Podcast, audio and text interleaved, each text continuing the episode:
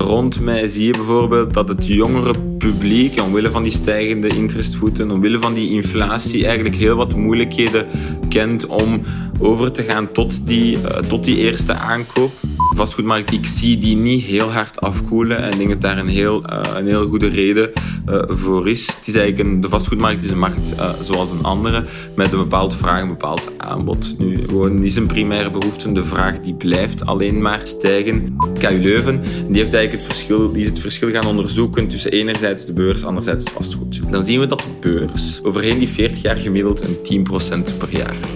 Zetten we het vastgoed daar tegenover, dan komen we slechts aan 8,5, 8,5 procent. Maar we vergeten één cruciaal element. En dat is dat je voor het vastgoed beroep kan doen op vreemd vermogen. U luistert naar de FD Magazine podcast. Een bekende journalist interviewt een expert over een actueel thema. De gasten inspireren u over wat beweegt in de finance sector en geven hun visie op de toekomst. Uw gastvrouw is Liesbeth Imbo. Welkom alweer bij een nieuwe Finance podcast met vandaag een onderwerp dat vast elke Vlaming interesseert. Want zijn we niet met een baksteen in de maag geboren?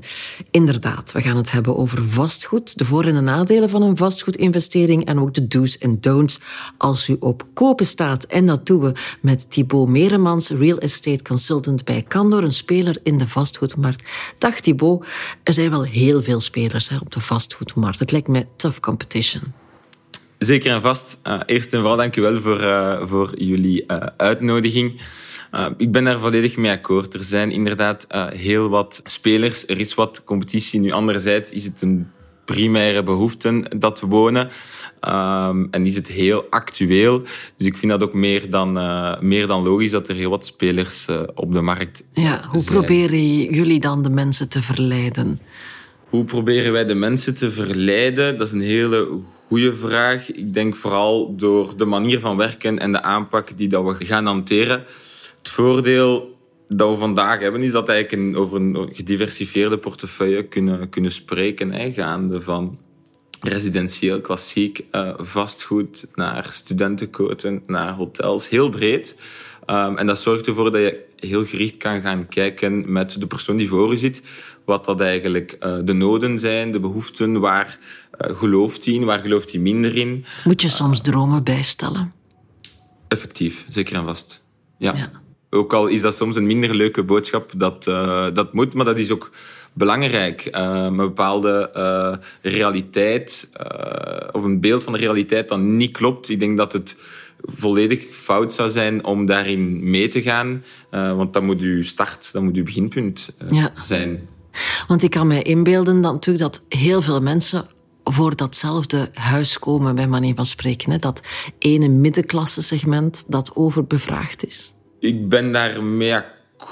Nu, vandaag zie je een markt in verschillende snelheden. De laatste tijd lees ik heel wat artikels uh, waar, waar ik niet altijd 100% mee akkoord ben. Uh, in die zin dat de vastgoedmarkt afkoelt, dat die stagneert. Wat moet ik nu wel of niet doen? En eigenlijk zie je vooral een markt in twee snelheden. En dat heeft vooral te maken met de, de duurzaamheid. Wat, bedoel ik daarmee?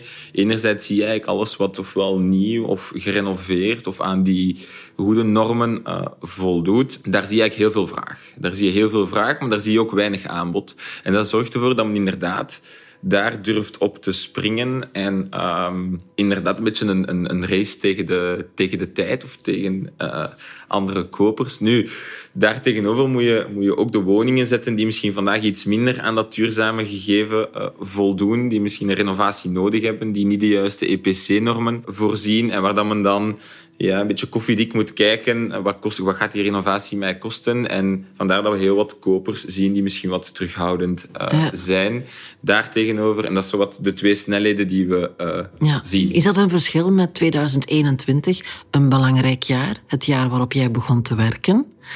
En het jaar van Klopt. corona natuurlijk, waarop iedereen opeens een huis met een tuin of een appartement met een groot terras wou hebben.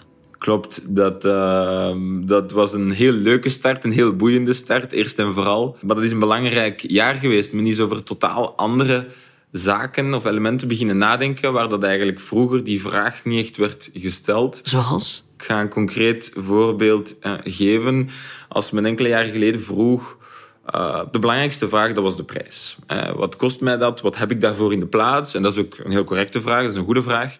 Nu, wat zie je vandaag uh, veel meer? Dat is dat men zich vragen stelt over, en we noemen dat de total cost of ownership. Hè. Dus dat wil zeggen, wat kost mij dat niet alleen bij aankoop, maar ook gedurende, doorheen het jaar. Dan spreek ik over lasten, dan spreek ik over facturen, dan spreek ik over verbruik.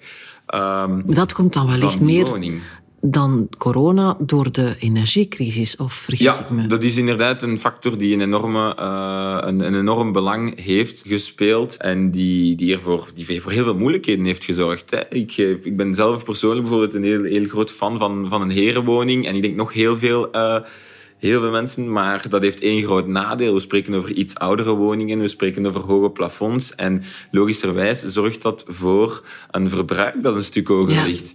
En dat is iets wat je vandaag bijvoorbeeld iets minder gevraagd wordt, omdat men wil weten op voorhand, als ik die woning koop, dan wil ik zeker zijn dat mij dat eigenlijk op jaarbasis dat ik rond dat verbruik uh, zal zitten en dat je een beetje een idee hebt uh, van wat en hoe. Ja, maar natuurlijk, men zegt wel eens, met corona gingen we allemaal op zoek naar hetzelfde en zaten we met een historische piek in de prijzen.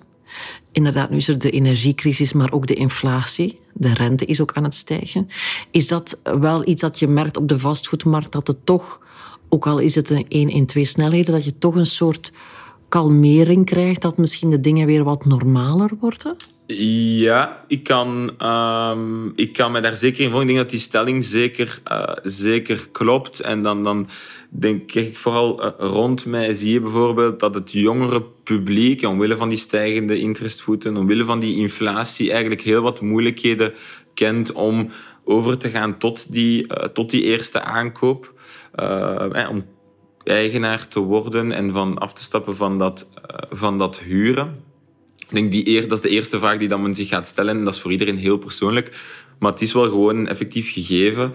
Het, wordt, het is een stuk moeilijker. Ja, uh, maar misschien gaan de prijzen dan zakken. Worden de huizen terug meer wat ze waard zijn dan wat we tot hiertoe hebben betaald? Of zie je dat nog niet zo afkoelen? Een appartement aan de kust zal nog voor velen onbetaalbaar blijven ik zie die niet heel hard afkoelen en denk dat daar een heel, uh, een heel goede reden uh, voor is. Het is eigenlijk een, de vastgoedmarkt is een markt uh, zoals een andere, met een bepaald vraag, een bepaald aanbod. Nu, gewoon is een primaire behoefte, de vraag die blijft alleen maar stijgen. En we zien eigenlijk uit heel wat vergelijking, bijvoorbeeld met onze buurlanden, waar de situatie eigenlijk wel wat verschillend is. En kijk inderdaad naar Duitsland, kijken naar Nederland. De Duitsers die veel meer huren. Ja, bijvoorbeeld. Hè. Maar kijk naar Nederland, waar ze iets meer moeilijkheden kennen nu na de coronacrisis op vlak van dat, uh, op vlak van dat vastgoed. En daar zie je wel dat België een heel um, stabiele en rigide markt is, die wel heel wat schommelingen aan kan. Dus, Hoe komt dat? Um, hoe komt dat? Dat is een hele goede vraag. Dat is een reeks uh, van factoren. Maar ik denk dat de belangrijkste factor is dat de, de, uh, de Belg de baksteen uh, in de maag heeft. En dat we veel meer kopers hebben in vergelijking met, met huurders. Nu, de centrumsteden zijn daarop natuurlijk wel een uitzondering.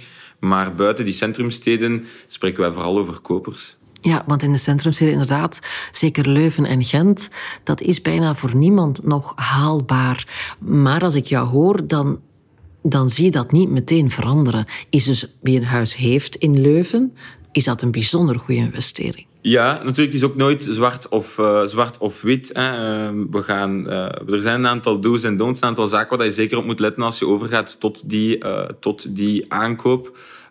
maar ik denk dat dat zeker voor een bepaalde stabiliteit zorgt. Het is nog altijd een goede investering effectief en we, gaan, we, komen altijd op dezelfde, uh, op dezelfde uh, vergelijking. Gaan we ons richten op dat roerend goed. En dan spreek ik over de beurs, eventuele obligaties, want we, kunnen, we moeten er ook um, eerlijk in zijn. Hè. Omwille van die stijgende interestvoeten zijn ook roerende goeden misschien een stukje interessanter geworden. Wil dat zeggen dat vastgoed vandaag minder interessant is, daar ben ik dan ook weer um, niet van overtuigd. Het is misschien meer een lange termijn investering dan op de beurs. Ja, de termijn waarover dat je, waar, waarop dat je wil investeren is een heel belangrijke uh, factor. En eigenlijk als je beide gaat vergelijken, is er één cruciaal element dat vaak wordt, wordt uh, vergeten. En toen mij denken aan, aan een studie die eigenlijk nog niet zo lang geleden door een professor aan de KU Leuven is gedaan over de vergelijking tussen enerzijds roerend, de beurs, anderzijds onroerend. En dan zie je eigenlijk op een periode van we gaan 40 jaar terug in de tijd. Dan heeft men eigenlijk, dan is men naar het rendement gaan kijken overheen die 40 jaar. Dan zien we dat de beurs overheen die 40 jaar gemiddeld een 10% per jaar opbrengt. Niet slecht. Zeker niet slecht. Zetten we het vastgoed daar tegenover, dan komen we slechts aan 8,5. 8,5 procent. Het verschil is niet zo heel groot, maar we vergeten één cruciaal element. En dat is dat je voor het vastgoed beroep kan doen op vreemd vermogen. Gaan lenen. Effectief. Effectief. En daar is in mijn ogen het grote verschil. Wil jij vandaag beleggen op beurs, dan kan dat, maar dan ga je dat doen met de spaarcenten die dat je eh, gespaard hebt. Doe je dat in het vastgoed, 9 kansen op 10 ga je daarvoor beroep doen op een hypothecair krediet. Dat Ja. betaal jij terug over 15, 20 of 25 jaar. Maar wat is heel belangrijk om te weten, koop je dat vandaag, dan ga je wel reeds een inkomen genereren op eigenlijk dat vermogen dat vandaag nog niet van u is. Ja. En dan noemen we dat hefboomprincipe. En dan is eigenlijk dat verschil tussen die beurs en dat vastgoed, of die 8,5 en die 10, die gaat eigenlijk absoluut niet meer op. ja. Dan heb je het natuurlijk over het aankopen van vastgoed als een investering. Ja. Ja. En zie je dan dat mensen dan toch naar bepaald soort vastgoed grijpen, omdat dat een nog zekerdere investering is? Locatie, grootte, appartement versus huis, dat soort dingen. Wat speelt er mee als je gaat investeren? Kijk, ah, er zijn heel wat zaken die, eh, die een rol spelen. Hè. Het nieuwbouw- of oudbouwgegeven is vandaag enorm belangrijk. Geografie, dan zie je een, een vergelijking tussen enerzijds gaan we kijken naar de centrumsteden, veel huurders, ehm, veel Dus vraag. interessant. Ja, veel vraag versus weinig aanbod. En dat is echt een interessante eh, investering. Anderzijds heb je ook een profiel dat meer op zoek gaat inderdaad, naar dat heel lokale. En die zeggen, ik, ik ken het hier goed. Ehm, dat is eerder mijn strategie. Dus die geografische strategie verschilt heel sterk. Ja, dat zijn de investeerders, maar je zei het al, je hebt ook mensen die ja, primair op zoek zijn naar hun eigen woning. Ehm, wordt het dan voor hen nu de moment of moeten ze beter nog een beetje wachten? Dat is een heel goede vraag. En ik denk ook weer, daar is geen exact antwoord op. Want elke situatie eh, is anders. Nu, het is wel een, een, een, gewoon een feit. Koop je vandaag alleen, volledig alleen, alleenstaand, dan is het heel moeilijk. Ja, men zegt wel eens zonder mama en papa gaat het bijna niet meer voor jonge starters. Jij bent 24, hè? mag ik vragen hoe jij woont? Ik ehm, heb daarin een heel... Ja, dat is een heel goede vraag. Ik heb daarin een heel bewuste keuze gemaakt en ook lang over nagedacht. En inderdaad, door daarin dagdagelijks bezig te zijn en te werken, ehm, heeft me dat wel sterk geholpen in de keuze die ik maak. Ik heb eigenlijk de beslissing genomen om een aankoop te doen, ook in een centrumstad, in dit geval eh, Brussel, maar dat ga ik- gaat eigenlijk ook op voor andere centrumsteden. Maar ik woon daar niet zelf. Ik heb ervoor ge- gekozen om dat te gaan verhuren. Hè. Ehm, en inderdaad dat hefboomprincipe toe te passen. En dat is met één heel concreet doel, dat ik zelf heel flexibel kan blijven. Dus vandaag ben ik zowel eigenaar, maar ook huurder. En dat zorgt ervoor dat als mijn eh, professionele situatie of mijn persoonlijke situatie van vandaag op morgen zou veranderen, dat je eigenlijk heel snel kan, ehm, kan switchen, kan eh, veranderen van omgeving, veranderen van job. En eh, dat, maakt, eh, dat heeft een beetje de keuze gemaakt om... om- Ik kan me inbeelden dat toch niet zoveel mensen zo denken. Nee, dat klopt. Is dat een soort appel ook van bekijk wat meer opties dan je denkt? Ja, 300% overtuigd. Bekijk voldoende opties. En ehm, wat zien we heel vaak? En dan, als je vandaag de, stap wil zetten naar ik ga eh, vastgoed aankopen, dan zijn er twee zaken die belangrijk zijn. Enerzijds spreken we over eh, dat spaarpotje dat je nodig hebt, toch een bepaald minimum nodig Ja. om die stap te kunnen zetten. Dat is één zaak. En anderzijds spreken we over ja, een terugbetalingscapaciteit. Hè, uw loon, je gaat- stapt naar de bank, die gaan bepaalde loonfiches vragen, die gaan u bepaalde vragen stellen, die gaan kijken naar uw opleiding en die gaan een simulatie maken op basis wat dat jij eigenlijk maandelijks kan gaan terugbetalen. Nu, waar wringt vaak het schoentje? Logischerwijs zijn er heel veel jongeren die zeggen het schoentje wringt bij mijn eigen middelen, bij de spaarpot die ik heb. Ik ben daar eigenlijk niet mee akkoord. Vaak zit het probleem, en zeker vandaag omwille van die stijgende interestvoeten, aan de andere kant. Namelijk bij uw terugbetalingscapaciteit. Dat wil zeggen, door die stijgende interest moet je meer gaan terugbetalen, maar zorg ervoor dat je eigenlijk een stuk minder kan gaan lenen. Vandaar dat men in de krant vaak leest, alleenstaand, vandaag aankopen is gewoon heel moeilijk. Ja. Nu zijn daar alternatieven voor. Ik denk het wel. Hè. De, de meest uh, voor de hand liggende is natuurlijk de partner. En kan je kopen met je partner, ben je met twee, dat, uh, zal al, dat helpt ongetwijfeld. We spreken over twee inkomens. De bank zal meerdere zaken in rekening gaan nemen om uh, die financiering toe te kennen. Zie je dan ook meer en meer mensen die aan een soort co-housing gaan doen? Zonder partner, maar met de beste vrienden ja, zeker en vast. En dan spreken we nu, dat kan gaan van een tweetal personen tot zelfs, uh, zelfs meer. Uh, ik heb dat zelf ook gedaan en dat is enkel en alleen. Eén, het is heel leuk, het is heel uh, levend, ik zal het zo zeggen. maar anderzijds ook, je, je, zal je heel veel kosten gaan besparen. Hè. Je kan alles gaan delen, gaande van verbruik tot eten, tot dat kan heel, heel ver gaan. Dus we zien dat dat een trend is die wel sterk... dat er eigenlijk meer en meer creativiteit ja komt. Dat is ook nodig. Dat is ook nodig, denk ik, zeker en vast. Uh, nu, er zijn ook andere alternatieven. Hè. Ik denk aan inderdaad de ouders. Ik vind het heel leuk dat je, dat je het aanhaalt, want dat klopt ook. Hè. Eh, de ouders uh, die kunnen een helpende hand uh, zijn. Nu wil ik daarmee zeggen dat elke ouder zijn kind moet sponsoren. Zeker niet. Ja. Zeker niet. Ik ben ehm, zelf ook heel groot fan van een bepaalde zelfstandigheid en moet weten hoe, dat je met, hoe dat je met geld moet omgaan, wat moet je doen met je spaarcenten en wat vooral niet. Uh, maar ik ga een heel concreet voorbeeld geven, eh, wat we heel vaak tegenkomen tegenwoordig. Alleen kan het niet. Het spaarpotje is er wel, maar de terugbetalingscapaciteit niet. Wat zou je dan kunnen doen?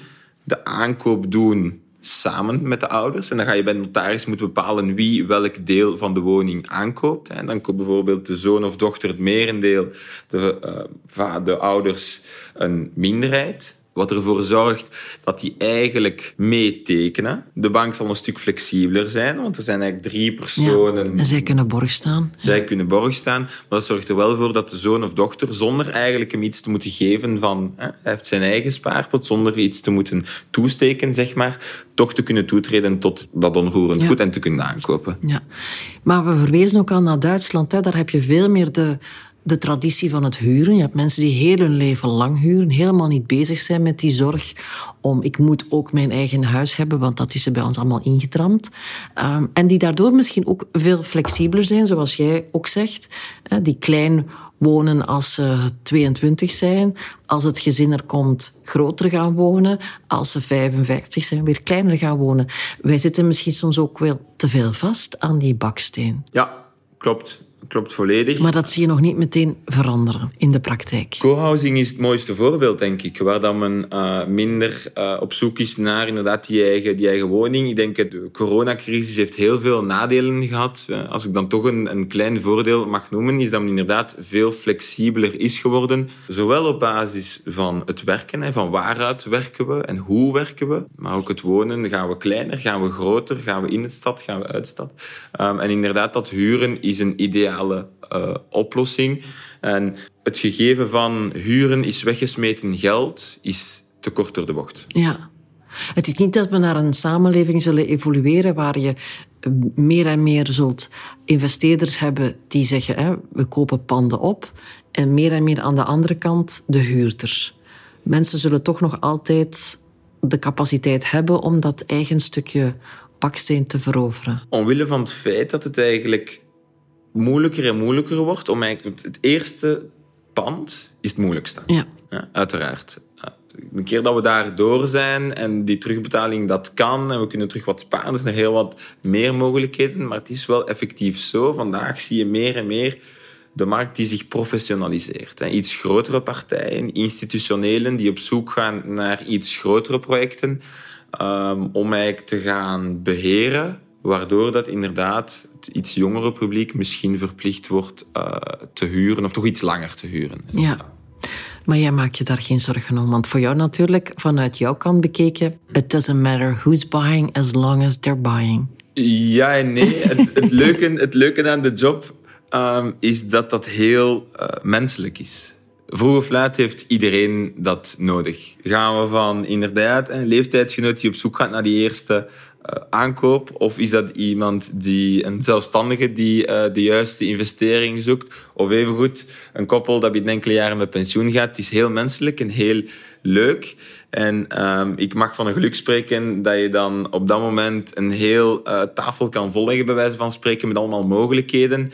En dan is het maar de voor- en nadelen te kunnen naast elkaar leggen. En ik denk dat we altijd wel ergens een oplossing gaan, uh, gaan vinden. En dat maakt het net zo boeiend en zo, zo leuk om te doen. En heel benieuwd, hè? je bent nu 24, waar je over 24 jaar staat, in welk huis je dan zal wonen, in welke stad.